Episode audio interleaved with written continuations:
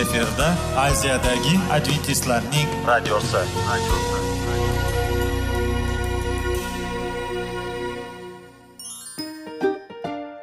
Assalomu alaykum aziz radio tinglovchilar. Sog'liq daqiqasi rubrikasiga xush kelibsiz.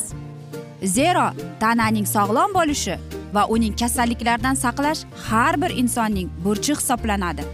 Inson uchun bebaho boylik bu sog'liq salomatlikdir. Uni asrash esa har birimizga omonat qilib berilgan.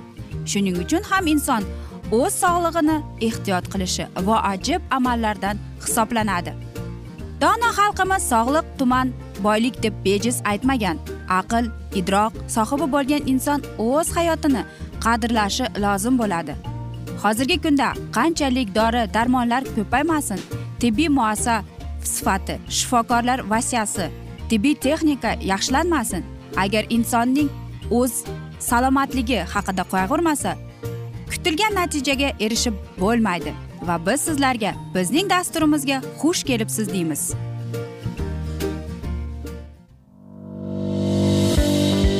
Sog'liq daqiqasi soliqning kaliti qiziqarli ma'lumotlar faktlar. Har kuni siz uchun foydali maslahatlar. Sog'liq daqiqasi rubrikasi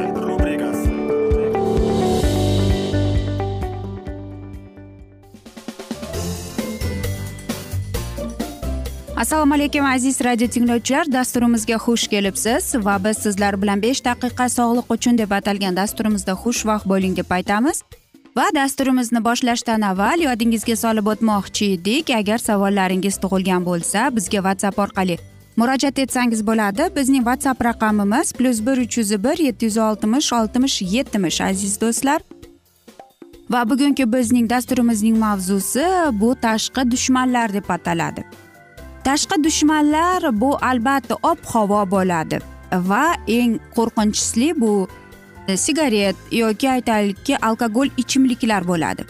Bular eng aytaylikki urush jahonidan olgan eng katta dushmanlardan biri hisoblanar ekan bizning organizmimizga. Qanchalik e, hozirgi ko'p o'tirishlarda yoki aytaylikki tug'ilgan kunlar yoki shunchaki oddiy yig'ilishlarda ham hattoki spirtli ichimliklar dasturxonda turadi.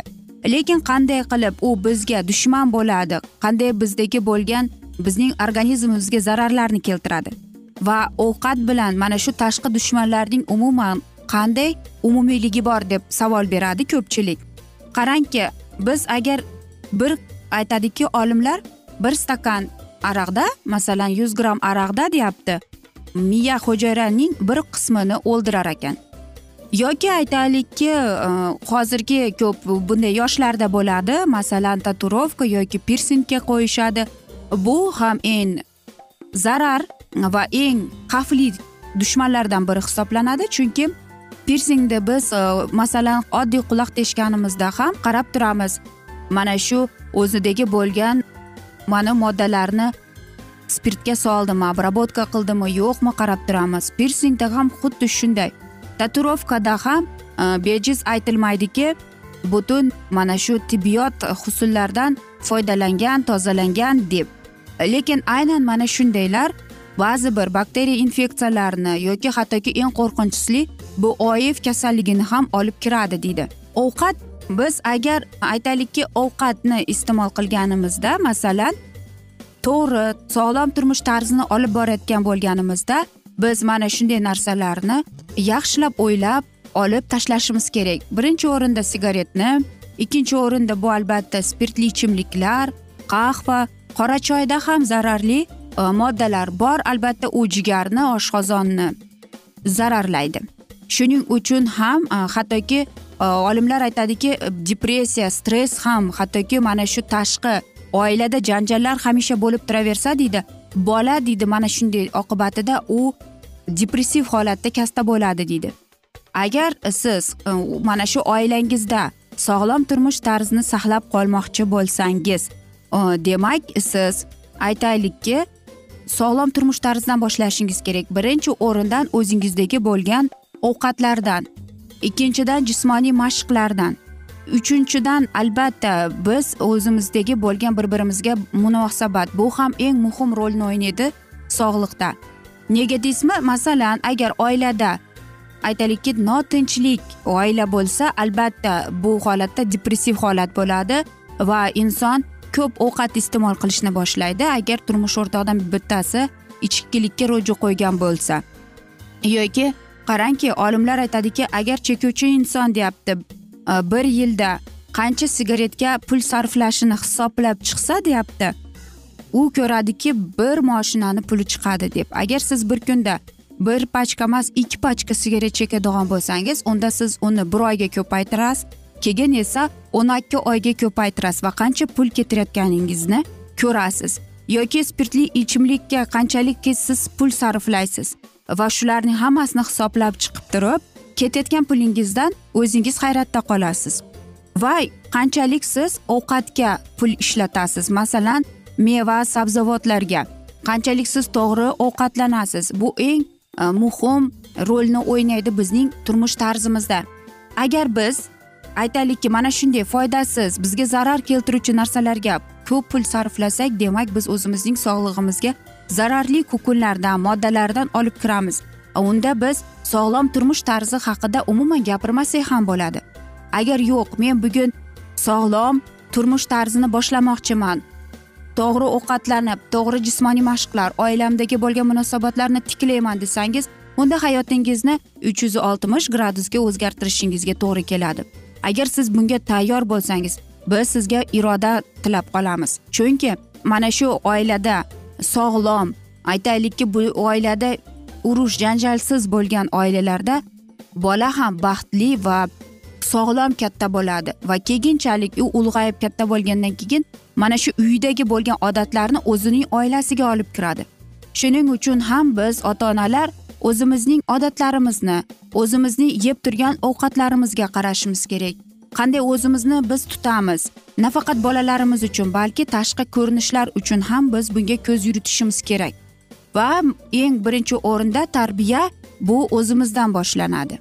Chunki agar biz o'zimiz sog'lom go'zal va albatta to'g'ri turmush tarzini olib borayotgan bo'lsak biz shu narsani uyimizga ham olib kiramiz to'g'rimi? Shuning uchun ham aziz do'stlar agar siz mana shunday qaror qilgan bo'lsangiz unda sizlarga biz iroda kuch tilab qolamiz. Biz esa mana shunday asnoda bugungi dasturimizni yakunlab qolamiz chunki vaqt birozgina chetlatilgan. Lekin keyingi dasturlarda albatta mana shu mavzuni yana o'qib eshittiramiz va agar sizlarda savollar tug'ilgan bo'lsa biz sizlarni whatsapp orqali bizga murojaat etsangiz bo'ladi. Plyus bir uch yuz bir yetti yuz oltmish oltmish yetmish yoki salomat klub internet saytimizga taklif qilib qolamiz. Umid qilamizki bizni tark etmaysiz deb chunki oldinda bundanda qiziq bundanda foydali dasturlar kutib kelmoqda sizlarni deymiz.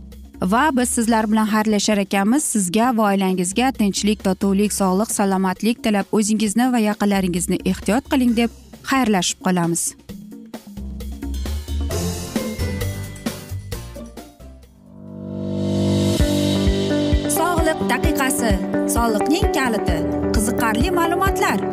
Faktlar har kuni siz uchun foydali maslahatlar. Sog'liq daqiqasi rubrikasi.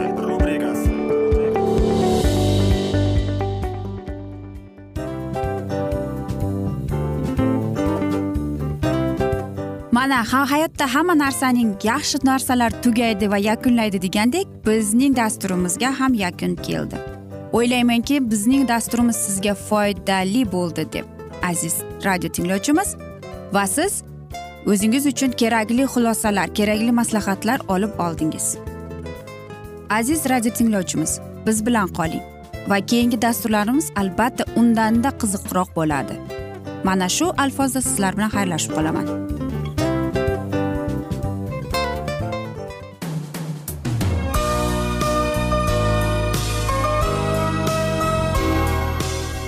Efirda aziyadagi adventistlarning radiosi.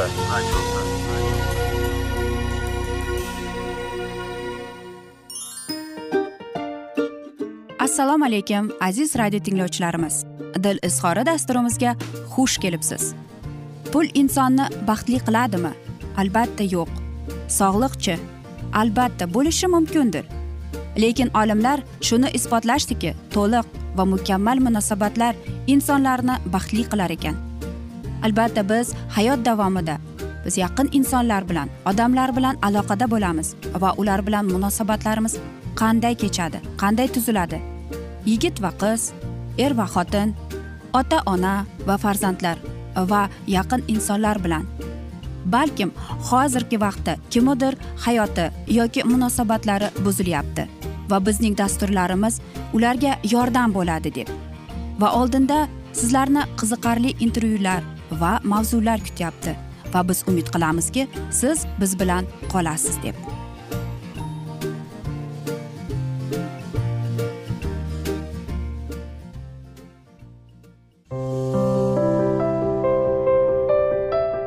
Har kuni har xil kasbdagi odamlar bilan sirlashish va bo'lishish sevgi rashq munosabat. Bularni hammasi dil izhori rubrikasida.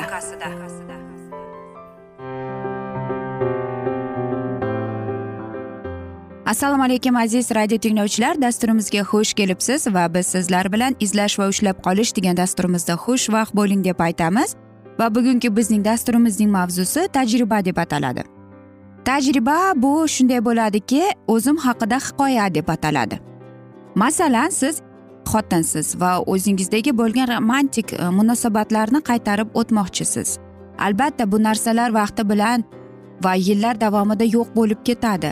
Birinchi nimadan boshlashingiz kerak? Siz o'zingizga qanday suhbat mavzu bo'ladi shuni tanlashingiz kerak.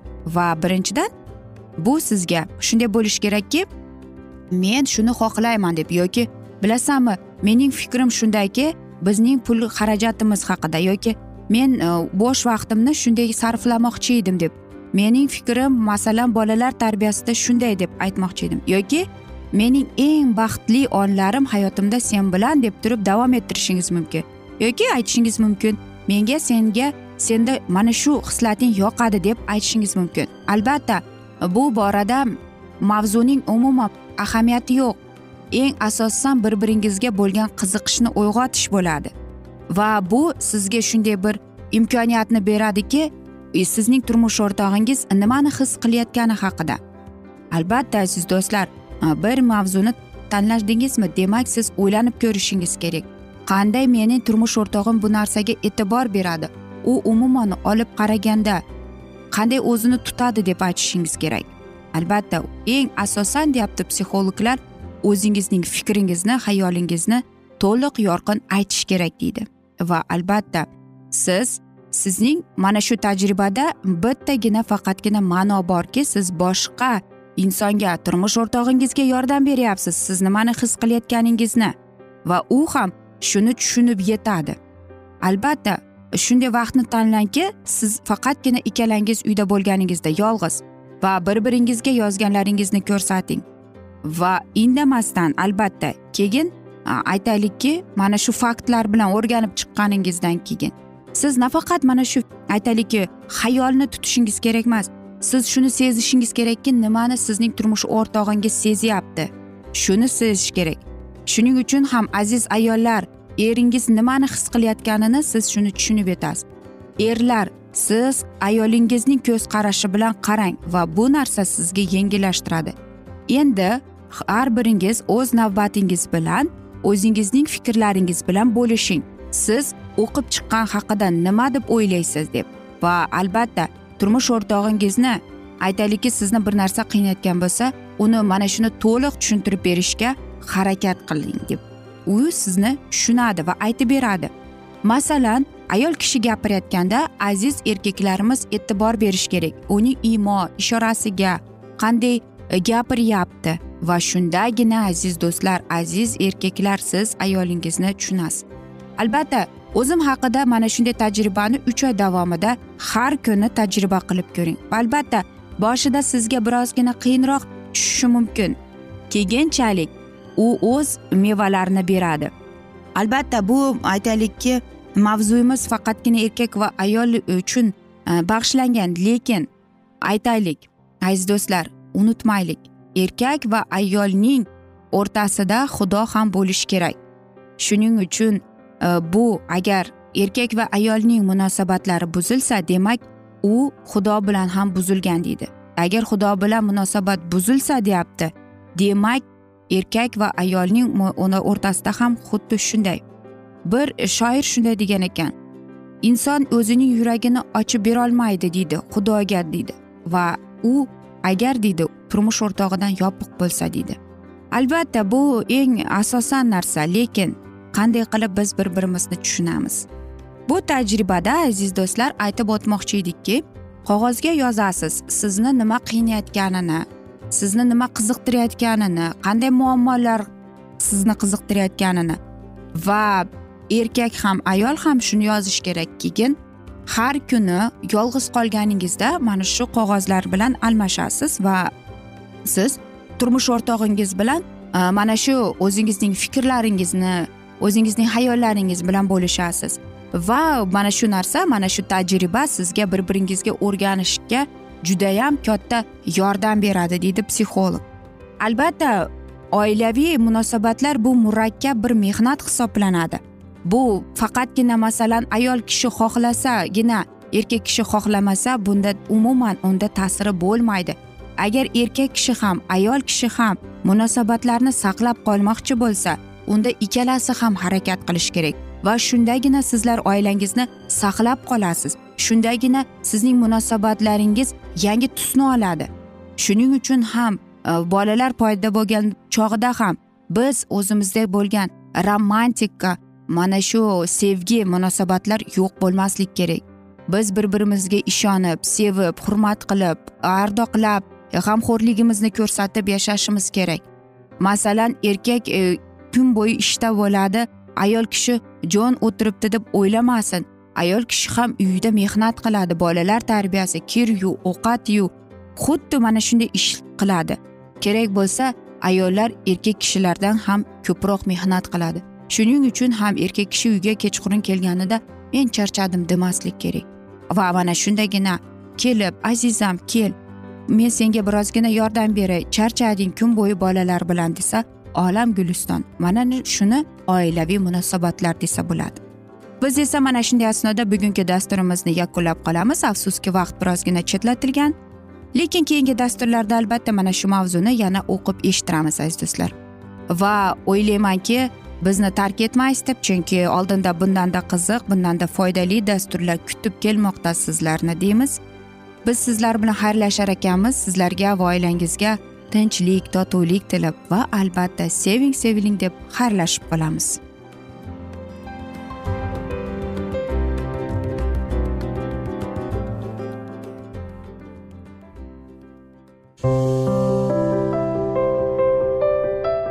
Har kuni har xil kasbdagi odamlar bilan sirlashish va bo'lishish. Sevgi rashq munosabat bularni hammasi dil izhori rubrikasida. Mana aziz radio tinglovchimiz bizning go'zal va foydali va chiroyli dasturimiz yakunlanib bormoqda. Sizlarga birozgina maslahat berib o'tmoqchi edik. Bir biringizni seving qadringizga yeting.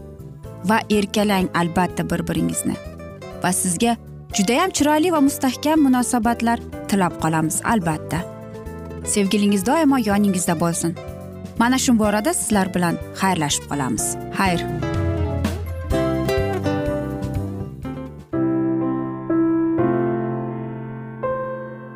Hayotning noni. Qiziqtirgan savollar va javoblar. Buning hammasi ko'ngil uchun oziqa rubrikasida.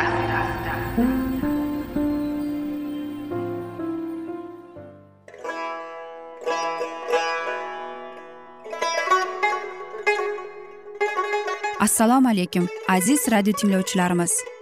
Ko'ngil uchun oziqa rubrikasida xush kelibsiz deymiz. Siz haqiqatni izlayapsizmi? Olamnimi? Umidnimi? Siz kimga murojaat qilmoqchisiz? Odamlar ko'pincha siyosat kuchiga tayanadilar. Dunyo iqtisodiyoti holati tobora chuqurlashib bormoqda.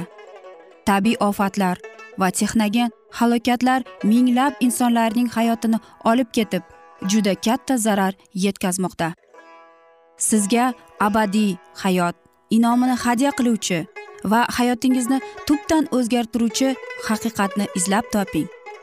Xudo haqidagi haqiqat uning kalomida mujassamlashgan. Kimki bu haqiqatni butun qalbi bilan izlasa albatta unga yetishadi. Bu sevgi xudoning tarixidir. Hayotingizda yoki sizning yon atrofingizdagi olamda nimalar yuz berishidan qat'iy nazar? Siz ertagi kunga buyuk umid va ishonch hosil qilishingiz mumkin. Hozirda xudo sizga taklif qilayotgan umid ishonchga o'z qalbingizni oching va sizni qiziqtirayotgan mavzularni savollaringizga javoblaringizni topib olasiz deb umid qilamiz. Biz bilan qoling.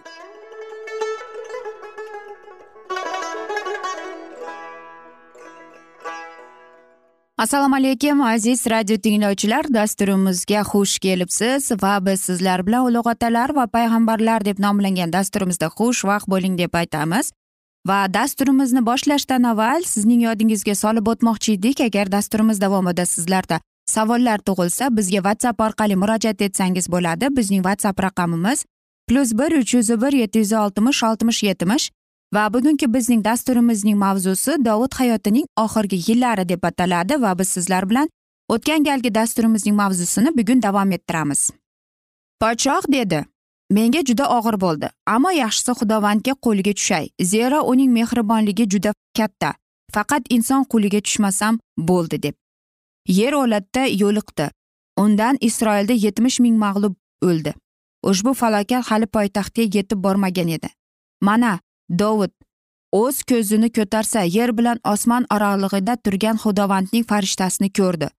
Qo'lidagi qilichi qudus ustiga qaratilgan edi va dovud yuz tuban tushdi. Oqsoqollar ham yirtilgan kiyimlarida yuz tuban quladilar. Podshoh isroilimga rahm qilishni xudovandga yolvordi. Men xalq sonini bilishga buyruq bermadimmi? Men gunoh qildim. Men yomon ish qildim. Bu qullar nima esa aybdor? Ey xudovand xudoyi xudovando sening men sening qo'ling ustidaman. Otamning xonadoni ustida bo'la qolgin. Ammo xalqqa emas toki u nobud bo'lmasin deb hisoblash xalqining noroziligini chiqardi. Ammo odamlar dovud bilan bir xislatlar bilan rag'batlanardi. Abisalomning gunohi orqali xudovand dovudni jazolaganday hozir dovudning xatosi orqali u isroilning gunohini jazolaydi. Farishta xarobchi o'z dahshatli ishini qudus darvozasi oldida to'xtatdi. U moriya tog'ichasiga yetdi. Yabusiylik urna xirmoni ustida to'xtadi. Payg'ambarning ko'rsatmasiga munosib dovud toqqa yo'llandi va xudovandga qurbongoh qurib kuydirishlar va tinchlik qurbonini keltirdi.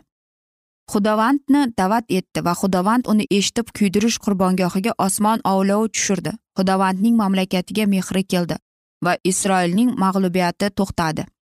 Qurbongoh qurilgan joyi shu paytdan tabarruk sanalardi va o'rna uni dovudga inom sifatida taklif etdi ammo dovud taklifni qabul qilmadi. Men sendan u yerni haqiqiy bahosiga sotib olmoqchiman dedi u. Zero sening mulkingni sen xudovandga keltirmaydi.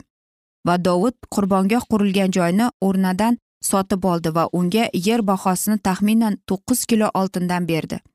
Ushbu yodgorlik joyida ibrohim payg'ambar o'z o'g'lini qurbon keltirish uchun qurbongoh tiklagan edi. Endi mana naqadar ulug' xalos bo'lishi bilan muqaddaslandi. Keyinchalik shu joyni sulaymon ma'bad qurish uchun tanladi. Dovud hayotining oxirgi yillarida yana bir qora bulut boshining ustiga tushdi. U yetmish yoshga to'ldi. Yoshligida ko'rgan yetishmovchilik va tashvishlar ko'p sonli urushlar oxirgi yillarda boshidan kechirgan g'amxo'rlik va qayg'ular sog'lig'iga salbiy ta'sir ko'rsatdi. Ongi oldingidek ravshan va o'tkir qolaverar ekan. Vaqti o'zinikini olardi. U tanholikni istaydigan bo'ldi va podshohligining xavotirli o'tmishi sekin sekin o'tkirligini yo'qotdi. Ammo yana taxtga ega bo'lish uchun kurash boshlandi. Dovudning otalik muruvvati samarasi qaytadan namoyon bo'ldi. Podshoh bo'lishni xohlagan ushbu adunuya bo'ldi. U juda go'zal ammo qat'iyatsiz va yoshligidan yengiltak edi. Otasi uni hech qachon hech bir narsada cheklamasdi. Ota hech qachon nima uchun shuni qilyapsan degan savol bilan uni siqmagan. Xudovand sulaymonga podshoh bo'lishga tayinladi ammo adinuya xudovand hokimligiga qarshi chiqdi. Tabiiy iste'dodlari bilan va diniy hislarining kuchi bilan sulaymon o'z katta akasini o'tib podshohlik taxtiga ko'proq qaramay aduniyo taxtini egallashga intilar ekan albatta hamdardlarsiz qolmadi. Ko'pgina jinoyatlar bilan o'zini dog'lagan yuhob sulaymonga qarshi tuzilgan fitnaga qo'shildi. Ruhoniy abu atar ham shunday harakat ko'rsatdi. Qo'zg'olon ila tayyorlangandan keyin suiqasdchilar adiona podshoh deb e'lon etish maqsadida shahar tevaragida katta bayramda uchrashdilar ammo ularning rejalari buzildi chunki bayramda dovudga sodiq bo'lgan bir necha kishi bor edi. Eng oldin ularning ichida ruhoniy saduq natan payg'ambar va sulaymonning onasi bersheva bor edi. Ular hammasi podshohga bayon etib berdilar. Ilohiy azaldan tayinlashiga munosib otasidan keyin sulaymon podshoh bo'lishi lozimligini dovudga eslatdilar. Dovud darhol taxtini sulaymonga uzatdi. Sulaymon muqaddas yog' ila moylandi va podshoh deb e'lon qilindi.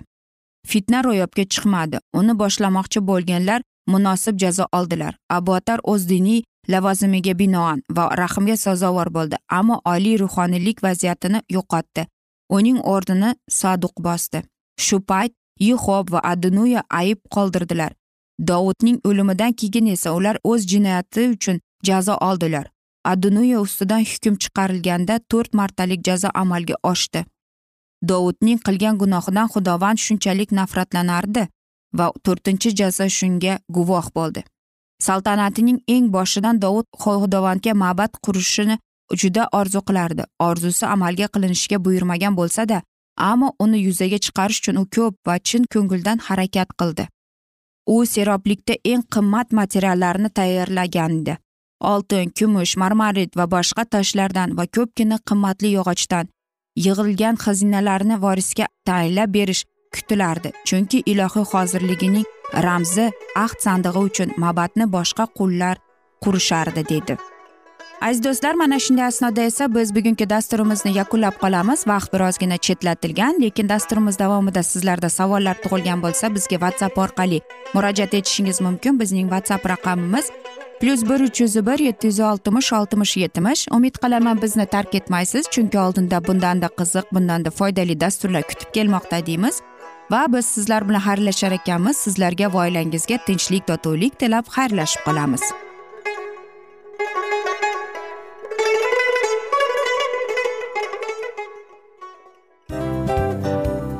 Hamma narsaning yakuni bo'ladi degandek afsuski bizning ham dasturlarimiz yakunlanib qolyapti.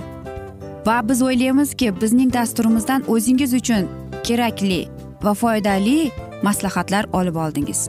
Sog'liq borasida sizga foydali maslahat berganmiz deb umid qilaman albatta. Va sizlarga mana shu borada sog'liq tilab qolaman. Munosabatlarga kelganda esa sizlarga sevgi omad va albatta yaxshi munosabatlar tilab qolamiz. Uchinchisiga kelganda esa bu juda chuqur va e'tiborli nazarni qumsaydi. Va sizlarga mana shu yaxshilik kayfiyatda sizni kayfiyatingizni ko'targan holda sizlar bilan xayrlashib qolaman afsuski. Ammo lekin keyingi dasturlarimiz undanda qiziq bo'ladi. Va siz biz bilan bo'ling bizni tanlaganingiz uchun sizlarga rahmat. Omad sizlarga xayr.